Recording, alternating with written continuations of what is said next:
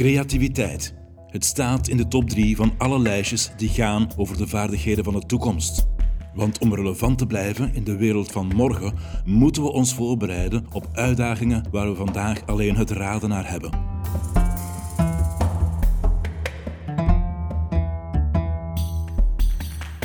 Mijn naam is Walter van der Velde en ik weet wel iets over creativiteit.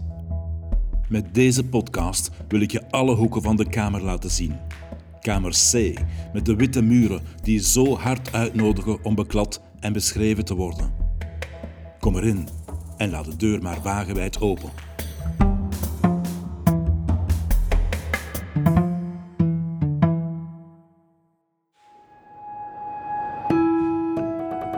Hallo en welkom bij episode 5 van Kamer C. Deze keer en voor de eerste keer een interview. Mijn gast is Jan de Jonge, creatief directeur van BBDO, een van de grootste reclamebureaus van België. Want reclame is natuurlijk onlosmakelijk met creativiteit verbonden. En eveneens kan je voor de eerste keer met deze podcast iets winnen. Uitgeverij Biz Publishers schenkt voortaan bij elke episode een boek weg. Deze keer is dat Creative Block van Gemma Lawrence. Je vindt de wedstrijd op het Instagram-account van Kamer C. Ik wens je veel plezier.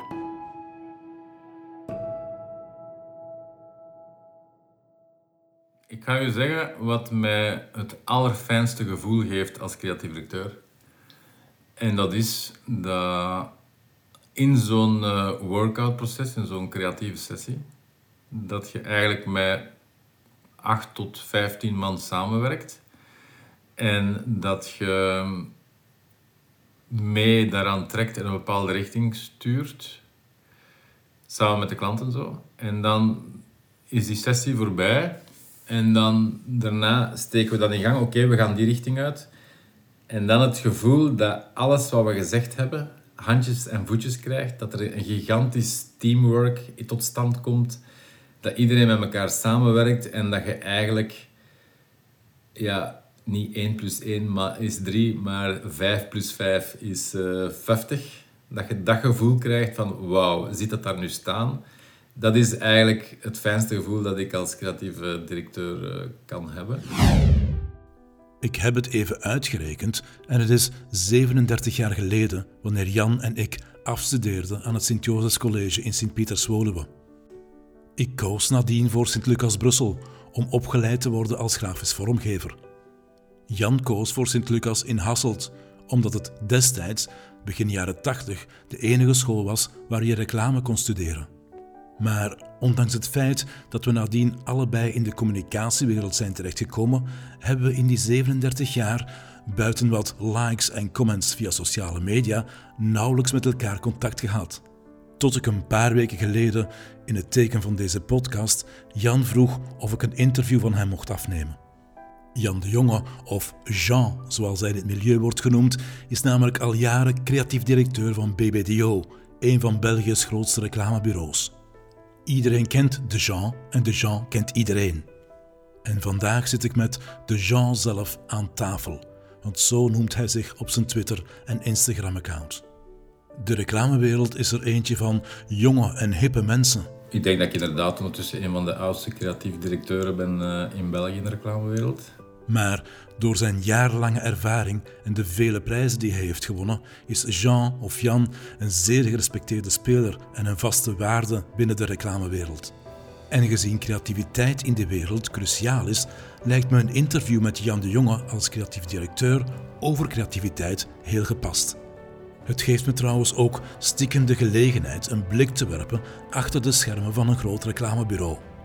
De eerste vraag die ik mijn oude klasgenoot stel is voor de hand liggend. Wat betekent creativiteit voor hem? Eigenlijk is uh, creatief zijn of creëren het beetje het tegenovergestelde van uh, reproduceren. Dat is eigenlijk een beetje, alleen naar mijn gevoel, bestaande systemen of processen in vraag durven stellen. En eigenlijk om die te verbeteren. Um, en daar aan de grondslag daarvan ligt vaak ja, ja, een soort dwang of zin om dingen anders te doen en om, om je leven beter te maken. En ik denk dat ik zo in het leven altijd een beetje zo gestaan heb, want ik zie dat in mijn, in, in alles wat ik doe, bijvoorbeeld in het wonen. Een gemiddelde Vlaming die gaat een huis bouwen in de rand, die gaat daar heel veel tijd en energie in steken en die blijft er dan heel zijn leven wonen omdat hij er zoveel moeite in gestoken heeft om dat mooi te maken. Terwijl ik merk dat uw leven constant verandert. Je hebt eerst geen kinderen, dan heb je kinderen. In mijn geval dan zijn ze gescheiden en nu zit ik met drie kinderen uh, alleen. Dus ik woonde eerst in Brussel uh, in de stad, dan zijn we naar de rand gereisd zoals iedereen en normaal blijf je daar dan hangen. Maar dan hadden wij drie meisjes en geen jongens die moesten voetballen en zo, die liever in de stad zitten en liever naar de Nationem of naar de cinema gaan met vriendinnen. Dan zijn we naar de stad verhuisd. En dan in de stad had ik een vrij mooie grote loft, laten we zeggen. Maar dan ben ik gescheiden. En dan heb ik gezegd, oei, nu zit ik daar in die grote loft één week op twee. Dan heb ik die, dat appartement in twee gedeeld. Dan heb ik twee appartementen naast elkaar gekocht, die een soort kangeroewoning is, waar ik nu half en half samen woon met mijn dochters. En zo probeer ik constant uh, dingen in vraag te stellen en te, te, optimaliseren. Ik heb het ook met mijn transport bijvoorbeeld. Uh, ik heb heel weinig met de auto gereden, maar je ziet dan de files. En de meeste mensen gaan dan in de file staan, iedere dag. Ik ben dan eerst begonnen met, met de motto te rijden, toen ik voor BMW begon te werken. Maar dan ben ik naar Leuven verhuisd en dan moest ik in de file gaan staan, uh, iedere dag met die motto. Dat is levensgevaarlijk. Dan heb ik gezegd, voert, nee, ik ga met een trein gaan. En dan heb ik plooifiets treinsysteem uh, ter harte genomen. Wat geweldig werkt, kan u verzekeren aan iedereen. Geen parkeerplaats zoeken, niet in de file staan, die tijd, treintijd gebruiken om andere dingen te doen. Het is echt zalig. En dan nu uh, heb ik zelfs geen auto meer. Ik heb mijn auto gedumpt en ik heb die geruild voor een kantoorappartement in Brussel. Dus ik woon in Leuven. En dus afhankelijk van als ik veel werk heb in Brussel, dan kan ik daar blijven slapen. En ik pendel met de trein en met plooifiets, doe alles met, met ander vervoer. Dat zijn heel vaak dingen waarvan de mensen zeggen, maar Jean, waar zit je mee bezig? Je had zo'n prachtige loft vroeger, je hebt die verkocht. Ja, nee, dat, dat, dat voldoet niet aan mijn noden. En die dingen constant in vraag stellen, is wel iets wat, wat, wat, wat volgens mij met creativiteit te maken heeft. Ook mijn carrière, hè, dat is constant blijven zien je zou gewoon uh, blijven zitten in hetzelfde systeem, maar het is constant aan veranderen. En ik denk dat dat een beetje de, de creativiteit is die, die iedereen kan uh, toepassen in zijn dagelijks leven. Check. Die definitie van creativiteit stemt alvast overeen met hoe ik er zelf over denk. De dingen in vraag durven stellen, vastgeroeste denkpatronen verlaten om dingen anders en beter te doen. En hoewel creativiteit niet de weg te denken is uit de reclame, toch gaat het nog altijd over het verkopen van producten en diensten. Dus ik vraag me af wat de relatie is tussen creativiteit en effectiviteit. Met andere woorden, gaan de producten of diensten van de klant ook beter verkopen naarmate de reclamecampagne ook creatiever is? Ja, dat is al een uh, moeilijke vraag eigenlijk, omdat dat heel moeilijk vast te stellen of vast te leggen valt. Ehm, ik ben een grote gelover van het idee dat creativiteit een binnenweg is naar effectiviteit. Ehm, maar er zijn zoveel factoren die spelen om een campagne effectief te maken. Ik zal u zeggen, ehm, als wij bijvoorbeeld een campagne maken voor Pearl voor multifocale brillen, die kan dan super creatief zijn en super leuk zijn, maar als net die week het prachtig weer is, hebben de mensen helemaal geen zin om naar een winkel te gaan. Uh, dan gaan ze liever op strand lopen of iets anders doen.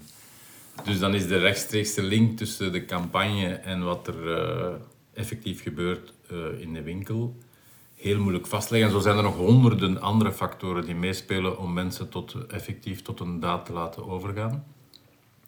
Maar misschien is er op dat moment wel prachtig weer en gaan mensen wel binnen voor een zonnebril. Dus ben je dan wel even in de picture geweest met je merk, maar voor hetzelfde geld kopen ze dan een totaal ander product. Dus er zijn zoveel factoren die spelen dat je het nooit echt 100% kan uh, bewijzen dat de creativiteit uh, geleid heeft tot, uh, tot effectiviteit.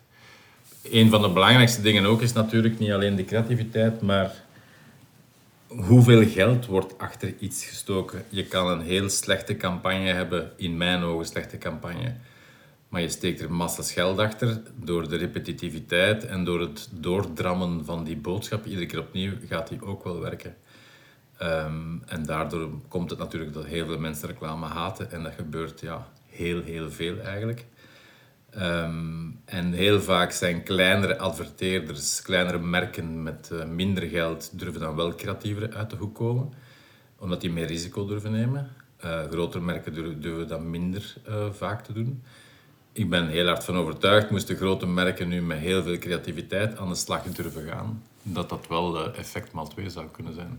Producten en diensten verkocht krijgen. Dat is tenslotte de bedoeling van elke campagne en de bestaansreden van elk reclamebureau. Maar ik kan me voorstellen dat niet alle producten even makkelijk creatief te benaderen zijn. Hoe doe je dat dan?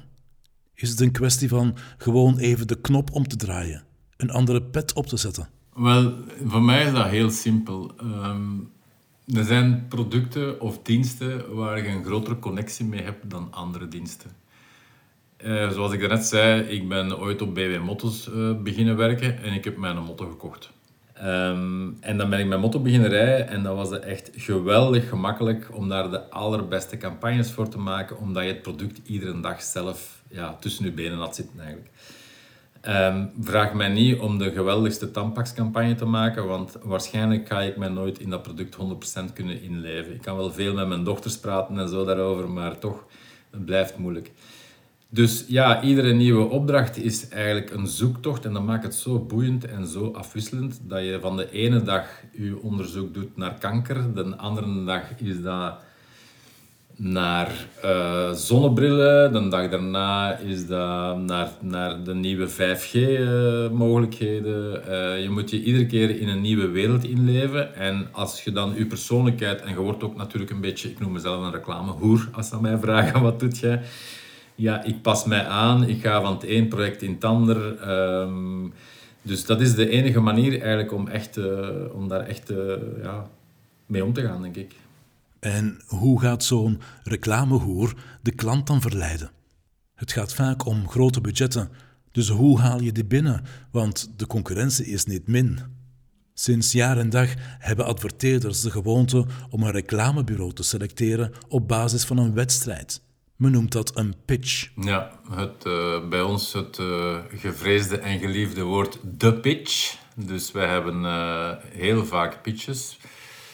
Deze zomer zat vol met, met pitchen, de ene na de andere. Ja, en dat is een, een, een, ja, een race tegen de tijd. En ook daar is dat echt op maat van, uh, van die uh, adverteerder. Hè. Sommige adverteerders voel je al in wat ze gedaan hebben dat ze niet per se heel hard voor creativiteit gaan. Bij anderen voel je dat dan wel heel erg. Um, ja, je moet dat proberen zo snel mogelijk te weten komen door heel veel vragen te stellen. Uh, want op zichzelf zeg ik ook altijd, als je meedoet aan een pitch, je wilt niet per se de creatiefste zijn, je wilt per se de winnaar zijn. En je moet achterhalen op welke manier dat je die pitch kan winnen. En soms is dat met extreem creatief te zijn, en soms is dat met extreem slim te zijn, en soms is dat nog met andere trucken of middelen. En wat ook heel vaak gebeurt, is dat het werk dat je maakt, dat het uiteindelijk niet is hetgene wat gaat verschijnen. Vaak moet dat dan toch nog herwerkt en herdaan worden. Wat ik altijd probeer in een pitch is proberen zo close mogelijk contact te hebben met die prospect eigenlijk al. Zoveel mogelijk daarmee samenwerken, zoveel mogelijk proberen uh, te doen alsof dat al je klant is. En ik denk dat zij uiteindelijk, zonder dat ze het weten, kiezen altijd voor een match met mensen. En minder voor de beeldjes die je daar uh, toont. Als we een presentatie ook uh, in elkaar steken, dan denk ik ook heel dikwijls van moet daar niet tot de last minute aan liggen foefelen en veranderen en dingen optimaliseren, want je moet eigenlijk vooral als je daar staat tijdens je presentatie, moet je eigenlijk op je gemak staan. Je moet je verhaal goed kennen. Je moet dat heel relaxed en heel goed vertellen, zodanig dat zij het gevoel hebben dat ze vertrouwen in je kunnen hebben.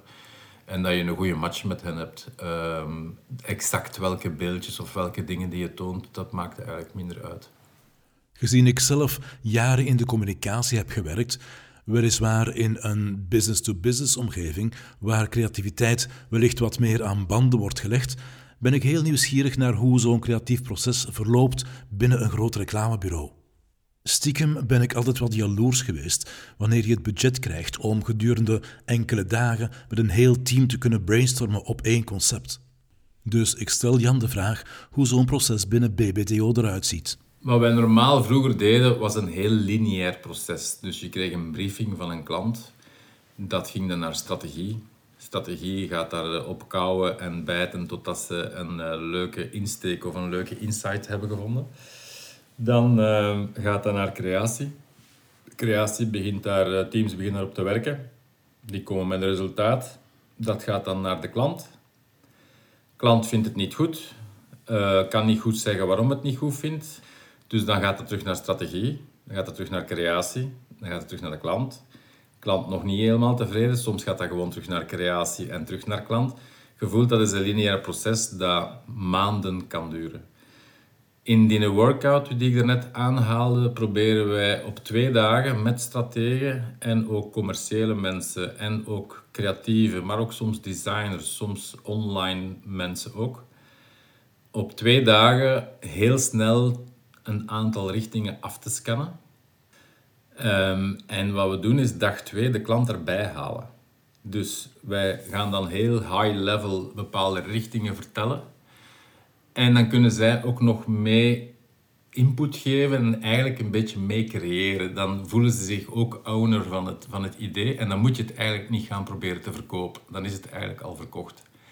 Hoe gaan zo'n dagen in zijn werk? Dat wordt goed voorbereid wel, met strategie en, en samen met, met commerciële en met mij ook zodanig dat er uh, van alles klaar ligt om uh, erin te vliegen. En dan, dat is, ja, dat is een hele twee dagen, een dag en een half, waarbij we een kwartiertje babbelen.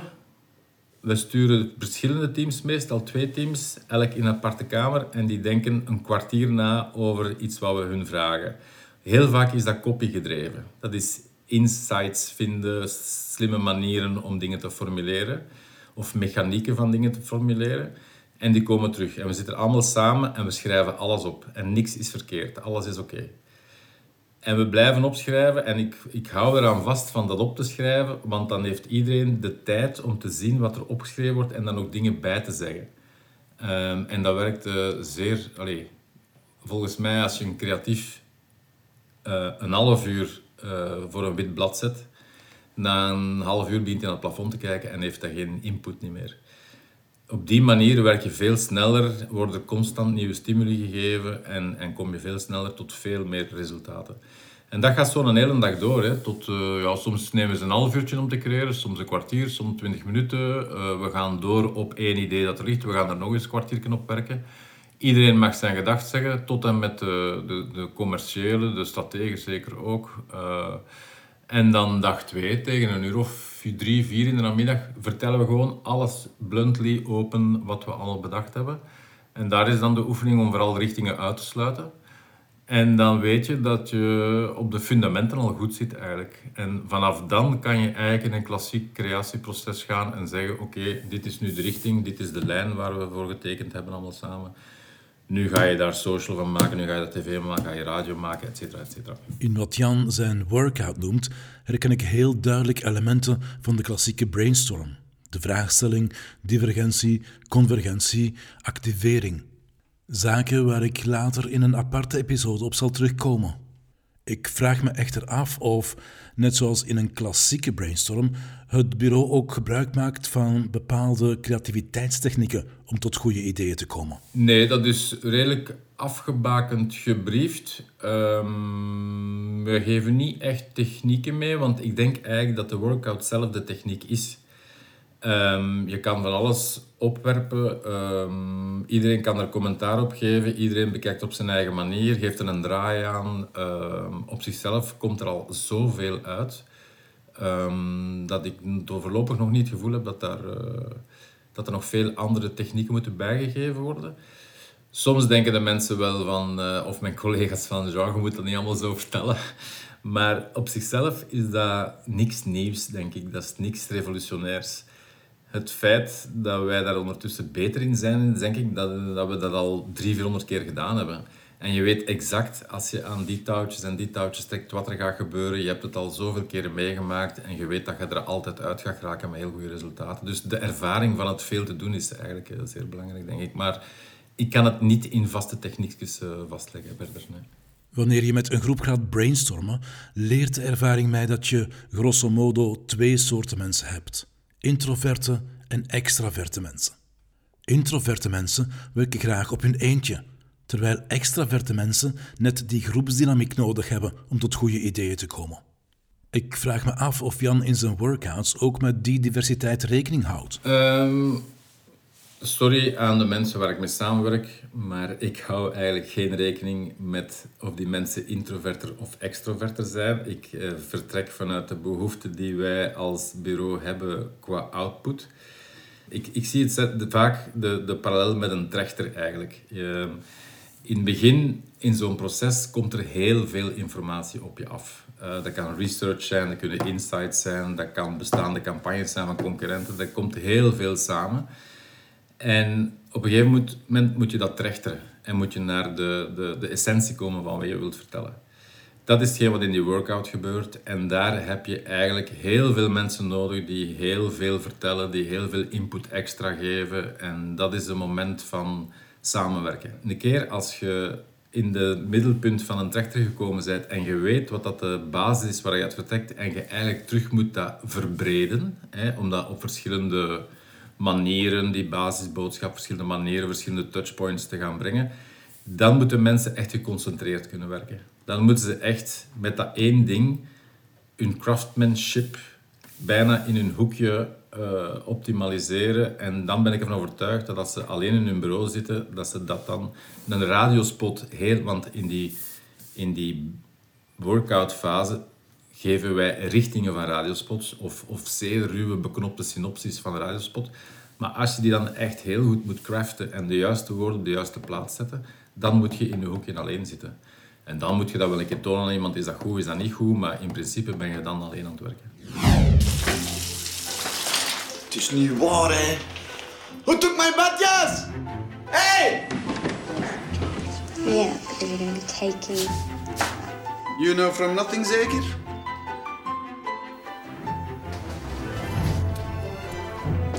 Aha, you have my badjas. Nah, Give it back.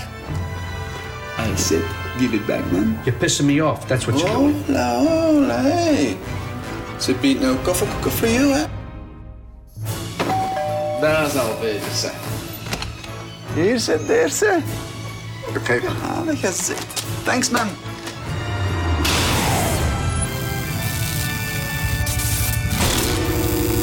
En voilà, de koffiekoeken zijn er ook. De Belgacom neemt je mee. Ik maak me sterk dat bijna elke Belg boven de 30 jaar deze reclamecampagne wel kent. Maar dit soort hits scoor je niet elke dag.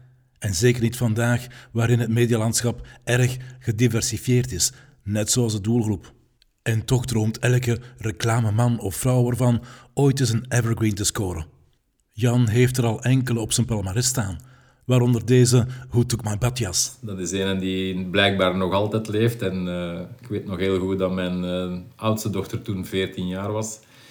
En dat die, dus een kleine anekdote, dat die eh, in één keer belde naar mij. Ja papa, er is een barbecue van school, wil jij niet komen vlees bakken? En kan je met de motto komen? Ik vond dat een rare vraag. Eh, ik zei, oké, dat ga ik zeker doen. Eh, ik dus ga naar barbecue. En plotseling kwamen al die klasgenoten naar mij toe. Die zeiden, zet jij die dat My Badjas gedaan heeft? Dus je voelde in ene keer dat die campagne zo hard leefde bij een bijzonder breed publiek, dat zelfs mijn dochter ermee wou uitpakken. Maar er zijn er nog geweest. We- Laat naar je borsten kijken. Dat is een campagne van Kom op tegen kanker. Dat is een fenomenale lijn die er ooit gelegen heeft, waar we toen... eh, drie wat oudere 55-plus BV's, Martin Tange, Lilian Saint-Pierre en zo, op een affiche naakt gezet hebben, maar dan de headline strategisch gepositioneerd. Ja, zo zijn er wel een aantal campagnes die... die... Maar het is niet zo gemakkelijk hoor, tegenwoordig om een campagne te maken die één, bij iedereen aanslaat en b, die iedereen gezien heeft. Want vaak is het, eh, ja, is het zo versnipperd tegenwoordig. En dan zijn er de reclameprijzen, de awards, die elk jaar opnieuw worden uitgedeeld aan het meest creatieve bureau of de meest creatieve campagne. En BBDO heeft er behoorlijk wat op de schouw staan. En dat laat me meteen besluiten dat die belangrijk zijn voor een bureau. Maar hoe belangrijk? Ehm, het bepaalt de reputatie van uw bureau, het be- bepaalt de lonen van mensen zelfs. Hè. Als je als creatief echt heel veel prijzen scoort binnen eh, het milieu. dan uh, word je gevraagd door alle andere bureaus. Een beetje zoals op de voetbal. Hè. Als je die veel golen maakt, die, die verdient meer en er wordt veel gevraagd. Nu, ik denk wel dat het ergens logisch is, omdat wij één, ja, wij leven in een geweldige sector. Het is echt super, super leuk om met jonge mensen iedere dag samen te kunnen werken. Er zijn ook heel veel feestjes en zo, maar er moet ook keihard gewerkt worden. En we werken keihard um, en vaak aan zaken waar mensen niet om vragen. Dus er is toch een beetje een, een, een, een, ja, een sceptische kant tegenover de hele marketing- en reclamewereld die dingen opdringen die we eigenlijk niet nodig hebben. Dus vanuit de buitenwereld wordt het al niet heel overdreven hard geapprecieerd. Ehm, bovendien denk ik, als we het uh, vergelijken met wat bijvoorbeeld uh, architecten doen, die uh, zetten een huis neer of een gebouw neer, dat staat er 300 jaar, zeg maar iets. Terwijl dat van ons, wat dat wij maken en zo hard aan werken, op twee weken is dat weg en iedereen is het werkelijk totaal vergeten. De relevantie in ons leven is veel kleiner, of de belangrijkheid ervan. Het is ook duidelijk dat film awards komen overal in de pers, um, maar reclameprijzen, nobody cares. Het, is, het, is, het is belangrijk binnen het milieu. Het uh, allerbelangrijkste voor mij persoonlijk aan die awards is één, het uh, trekt nieuw talent aan. Dus daarvoor is het super belangrijk dat je de strafste creatieve van de markt kan krijgen en je bureau nog straffer kunt, maken. En uh, ten tweede, het geeft een enorme drive in een bureau. Uh, als je top 3, top 1 staat, dan leeft er wel zoiets van we zijn ongelooflijk goed bezig. Ik heb soms al eens nagedacht, kan je dat vervangen door iets anders dat even grote drive geeft? Dat misschien nog relevanter zou kunnen zijn in deze wereld, maar ik heb het eigenlijk nog niet, nog niet tegengekomen of niet gevonden.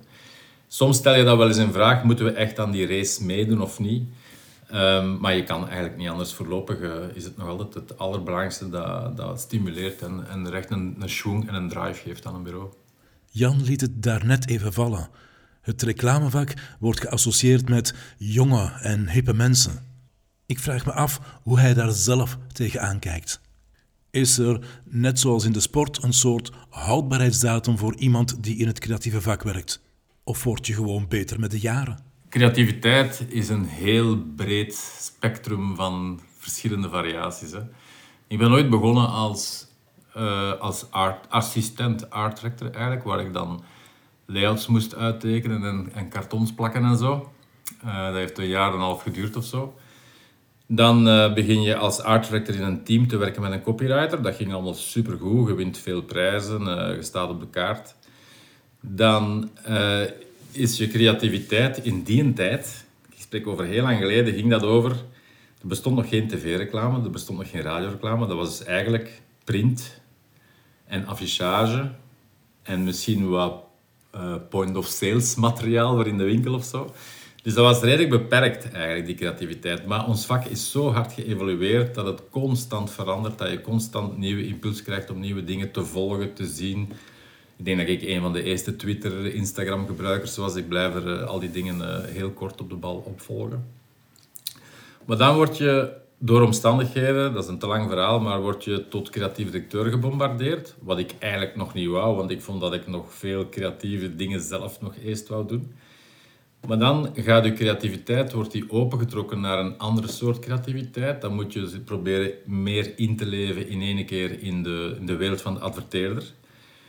Maar dat is niet meer die kleine creativiteit op een 10 vierkante centimeter op een blad. Dat is creativiteit die breder, hoger, misschien minder artistieke creativiteit is op een of andere manier. Maar voor mij even boeiend. Ik denk, moest ik alleen nog maar op dat blad moesten bezig zijn, dan zou ik me wel vervelen eigenlijk. Zou, het al, eh, zou ik al lang eruit gestapt zijn. En dat doe ik nu ook al 15 jaar of zo. En ik vind dat nog altijd super boeiend. Maar ik heb nu zelfs de stap gezet naar het ondernemende, wat weer een totaal andere creativiteit is. En allemaal, denk ik, gedreven door nieuwsgierigheid vooral. En daar zit volgens mij de clue een beetje, de nieuwsgierigheid. En dan ben ik met twee andere mensen een start-up begonnen, die Trooper heet. En dat is weer totaal anders, nog eens breder van hoe positioneer je die start-up, hoe, hoe, hoe, hoe probeer je dat van de grond te kijken. Daar komt heel veel communicatie bij kijken ook natuurlijk, hè, die ervaringen. Maar daar heb ik wel zoiets van, ah ja, mijn creativiteit wordt nu gebruikt om, om een bedrijf uh, van de grond te krijgen. En al die ervaring die ik ervoor heb gehad met die creativiteit op 10 vierkante centimeter als creatief directeur, hoe ik heb geleerd hoe je bedrijven kunt, hoe dat zij het doen, et cetera, et cetera. Ja, nee, ik denk dat uh, de combinatie van die creativiteit altijd te verbreden naar andere zaken, de jarenlange ervaring die je hebt uh, helpen en, en, uh, ja, en ja, een beetje jong van geest blijven, die combinatie denk eigenlijk dat dat bijna sterker is dan, dan jonge mensen die alleen maar creatief zijn op, op, op 10 vierkante centimeter. Voorlopig maak ik me daar nog geen zorgen over. Ehm, maar je moet wel ja, jong, een beetje jong in de kop blijven. En vooral nieuwsgierig blijven, denk ik. Dat is heel belangrijk. Als oude jongens in het vak van creativiteit en communicatie praten we even verder over de jeugd van vandaag. We zijn het er laaiend over eens dat de evolutie die technologie heeft meegebracht een onwaarschijnlijke stimulans is voor de creativiteit van de jeugd. Muziek, film, animatie, fotografie, design, de middelen om je creativiteit te uiten zijn vandaag grenzeloos. Net zoals de sociale mediaplatformen waarmee je mensen met jouw creativiteit makkelijk kan bereiken. En daar maken jongeren vandaag gretig gebruik van, maar niet alleen zij. Ik ook, hè, op mijn Instagram. Ik zit constant te experimenteren op stories. En soms zullen mensen uh, mij dan wat vervelend vinden, maar het kan me geen zak schelen. Ik probeer dingen, ik probeer polls, ik probeer uh, vragen te stellen. Ik probeer te voelen waar de meeste interactie op krijgt, wat totaal wordt genegeerd. Er zijn zo'n dingen, hè. bijvoorbeeld iets wat ik heel hard geleerd heb zelf uit sociale media, is als ik een zonsondergang post op mijn Instagram, dan heb ik direct 80, 100 likes. Omdat dat puur visueel een goed gevoel geeft. Als ik iets slim post met een, met een caption of een slim ideeke, niemand ziet dat, niemand reageert daarop, ook al is het, vind ik het super grappig. Maar dat leert mij dat mensen met media op een heel oppervlakkige manier bezig zijn. Dat ze niet, en zelfs, ze gaan zelf op zoek naar content. Hè. Als, als je tv-reclame ziet, daar zitten mensen zelfs niet op te wachten. Dus daar luisteren ze nog minder naar, volgens mij. Als je naar je Instagram op zoek gaat naar geëntertained, dan zet je al open van geest van ik wil iets binnenpakken. Maar zelfs op dat moment is de attention span zo klein en zo nietig dat, wij, dat, dat ik daaruit leer dat we veel te ingewikkelde boodschappen proberen te, werken, te brengen en, en ja, veel te complex en, en veel te veel Terwijl de mensen zoeken gewoon een leuk beeld of iets, iets tof om, om even een kickje van te krijgen. Dus dat, dat, dat zijn dingen die ik ook allemaal leer door met Instagram en met sociale media zoveel mogelijk bezig te zijn. Creativiteit is inderdaad een mindset, een natuurlijke manier van denken en doen. En dat stopt niet bij het uitoefenen van je job, ook al zit je in de creatieve sector. Het is een natuurlijke reflex die je ook in je privéleven meeneemt. Maar hoe Jan dat aanpakt is nog net met dat tikkeltje meer. Zo ehm, had ik ooit uh, dus een, uh, een redelijk duur, uh, dure loft gekocht in Leuven. Maar ik had mijn eigen huis nog niet verkocht, want dat was in aanbouw. En dan is de draai van, tju, ik moet mijn huis zo goed verkocht krijgen, want anders ga ik financieel in de miserie zitten. Dus dan gaat je naar creativiteit om effectief te, effectiviteit te bereiken. En dat was eigenlijk nog in de tijd voor social media. Heb ik toen een filmpje gemaakt op basis van foto's die in mijn computer zaten. En dat waren allemaal emo-beelden van mijn kindjes die in dat huis hebben leren zingen, leren schrijven, de huisdiertjes verzorgd. Allemaal van die keischattige foto's. En op het einde kwam er een pancarte die zei... You can't buy happiness, but you can buy my house voor 450.000 euro. Dus een hele contrasterende, scherpe boodschap. Uh, en dat filmpje was met de muziek uh, You Are So Beautiful van Joe Cocker erop in een tijd. En um, dat heb ik op YouTube gezet. Eigenlijk denk ik de eerste op de wereld die zijn huis op YouTube uh, verkocht heeft. En dan heb ik dat gewoon naar mijn e-mailbestand gestuurd, want sociale media bestond er nog niet. En dat is op YouTube zo ontploft. Uh, iedereen wou wel een keer binnenkijken in een huis van een creatief directeur, denk ik, en zo. En de kinderen zien en alles erop en eraan. Um, dat heeft, denk ik, tot een 120.000 views gehad. Dan zijn er parodieën opgemaakt door mensen uit het vak. Uh, ik denk dat er zeven, acht verschillende parodieën. Dan kwamen de radiozenders afvragen, wat is dat met dat verhaal? Dan heeft er iemand dat huis gefotoshopt in verschillende stijlen. Dat werd op blogs gedeeld en dat stopte maar niet. Uiteindelijk denk ik dat iets van 300.000 views al die filmpjes samen geweest zijn. En het huis was verkocht binnen de week eigenlijk. Dat was echt een bommetje. Ehm, dus ja, gewoon dingen in vraag durven stellen. Hoe krijg ik dat nu, godsnaam, zo snel mogelijk, zo duur mogelijk verkocht? En ik heb ook dik de prijs gehad trouwens voor dat huis. Dan was dat huis verkocht en ben ik verhuisd naar mijn eh, loft in Leuven. En dan wou ik daar een soort housewarming feestje geven. En ik dacht, tju, hier wil ik eh, de burgemeester wel in die tijd Louis Tobak bij hebben. Dan heb ik weer, omdat ik nu mijn YouTube-ervaring had, hè, dan heb ik weer een filmpje gemaakt met foto's. En het verhaaltje daar was, ja, Louis, je hebt Leuven nu zo leuk gemaakt dat mijn vrouw per se naar Leuven wilt komen wonen.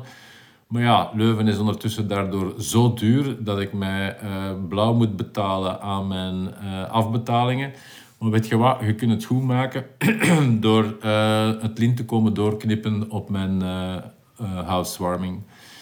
Daar is dan weer een journalist opgevallen die daarmee gewoon naar Louis Tobak gegaan is en gaan vragen is en gaat je dat doen of gaat je dat niet doen? Dan heeft Louis Tobak in eerste instantie gereageerd van ah, Jan die mag uh, een glaasje champagne verwachten als hij verhuist op het stadhuis, net zoals iedereen. Maar een week daarna kreeg ik een uh, e-mail van zijn uh, kabinetmedewerker en die heeft gezegd ah, hoe laat moet dat komen? En hij is een hele avond bij mij geweest, dus dat was weer superleuk om dan een burgemeester te hebben die uh, het lint kwam doorknippen. En dan, die loft heb ik dan ook weer verkocht. En dan heb ik de boel weer eens omgedraaid. En dan heb ik um, met connecties die ik heb bij met mensen bij Marie-Jo Lingerie en fotografen, heb ik een shooting op punt gezet in die loft. En heb ik een lingerie model in alle ruimtes gezet. En van iedere ruimte een foto genomen. En eigenlijk die foto's gebruikt om op ImoWeb te zetten. Um, dat had natuurlijk wel uh, zijn impact. Ik moet wel zeggen, ze waren super kwaliteitsvol en super classy. Um, en dan is dat ook direct opgepikt geweest door verschillende kranten en door, door tv-zenders zelfs. En ImoWeb kwam uh, voor de dag en die zeiden: Meneer de Jonge, we gaan het eraf halen, want uh, dat mag niet. Je mag geen mensen tonen op de foto's die je op ImoWeb zet. Geen probleem, dat kwam in de pers, uh, daar werd over gediscussieerd. Ik kreeg direct Realo aan de lijn. Die zei, meneer de Jonge, wij zien het probleem uh, met, uh, met uw IMO-web-verhaal. Weet je wat, we kunnen het bij ons gratis zetten. wij zullen het wel in orde brengen. Oké, doe maar. Dus de media-aandacht die je daar rond krijgt, helpt u bijzonder goed. En, en ja, het was weer ja, puur door experimenteren, door dingen anders te doen in het dagdagelijks leven, merk je hoe dat media werken en ja, daar leert je heel veel uit gewoon. Everyday creativity wordt dat genoemd. In dit geval wel in de turboversie. Voor ik mijn interview afsluit, wil ik graag nog wat meer weten over Trooper, de start-up die Jan een viertal jaar geleden opstartte. Is dat ook een natuurlijke uitloper van zijn creativiteit of zit er nog wat anders achter? Uh, Trooper is eigenlijk een beetje ontstaan omdat ik vind dat, uh, dat ik ongelooflijk gezegend ben in mijn job. Uh, en overbetaald ook, want ik vind dat iemand die in het onderwijs staat meer zou moeten verdienen als mij. Um, en eigenlijk had een soort gevoel van, ik ben al 30 jaar dingen aan mensen aan het opdringen die ze eigenlijk niet nodig hebben. Wou ik ook een keer iets nuttigs gaan doen met mijn kennis en ervaring die ik heb. En zo is Trooper ontstaan. Trooper is een online shoppingplatform om verenigingen en goede doelen aan extra monies te helpen, zoals dat wij dat zeggen. Um, dus als je de leden van je vereniging of je goed doel uh, kan doen online shoppen via de troeperpagina van je vereniging, dan gaat er al telkens per aankoop een commissie naar je vereniging. Um, en dat is een, uh, ja, een geweldige ride geweest. Dat is heel snel gegroeid. We, zijn nu al met tien mensen op vier jaar tijd. Uh, Brand of the Year geweest, uh, door de tijd uitgeroepen. Um, Studio 100 is daarin gestapt, KBC is ondertussen ingestapt. En dat is uh, booming business. En we denken dat we ondertussen 2,5 miljoen euro hebben uitbetaald aan uh, verenigingen en goede doelen. Dus dat is, geeft een heel fijn gevoel dat je alles wat je geleerd hebt ook voor iets echt heel nuttigs kunt inschakelen. Een mooie afsluiter voor dit interview, denk ik. En ik dank Jan voor zijn tijd en de gezellige ontvangst. Dochter Sarah maakt nog snel een paar foto's van ons en daarvan gooi ik er eentje op Instagram. We spreken af dat we elkaar wat meer zullen zien dan elke 37 jaar. We zetten terug ons masker op en ik denk, dat is een goed idee. Hartelijk dank aan Jan de Jonge voor de insights en het boeiende interview. Dankjewel ook Sarah de Jonge voor de foto op Instagram. En wanneer je naar dat KMRC Instagram-account gaat, kan je daar ook een boek winnen. Het is het boek Creative Block van Gemma Lawrence, uitgegeven en aan deze wedstrijd geschonken door Biz Publishers in Amsterdam. Dankjewel dus ook Biz Publishers. Tot de volgende episode.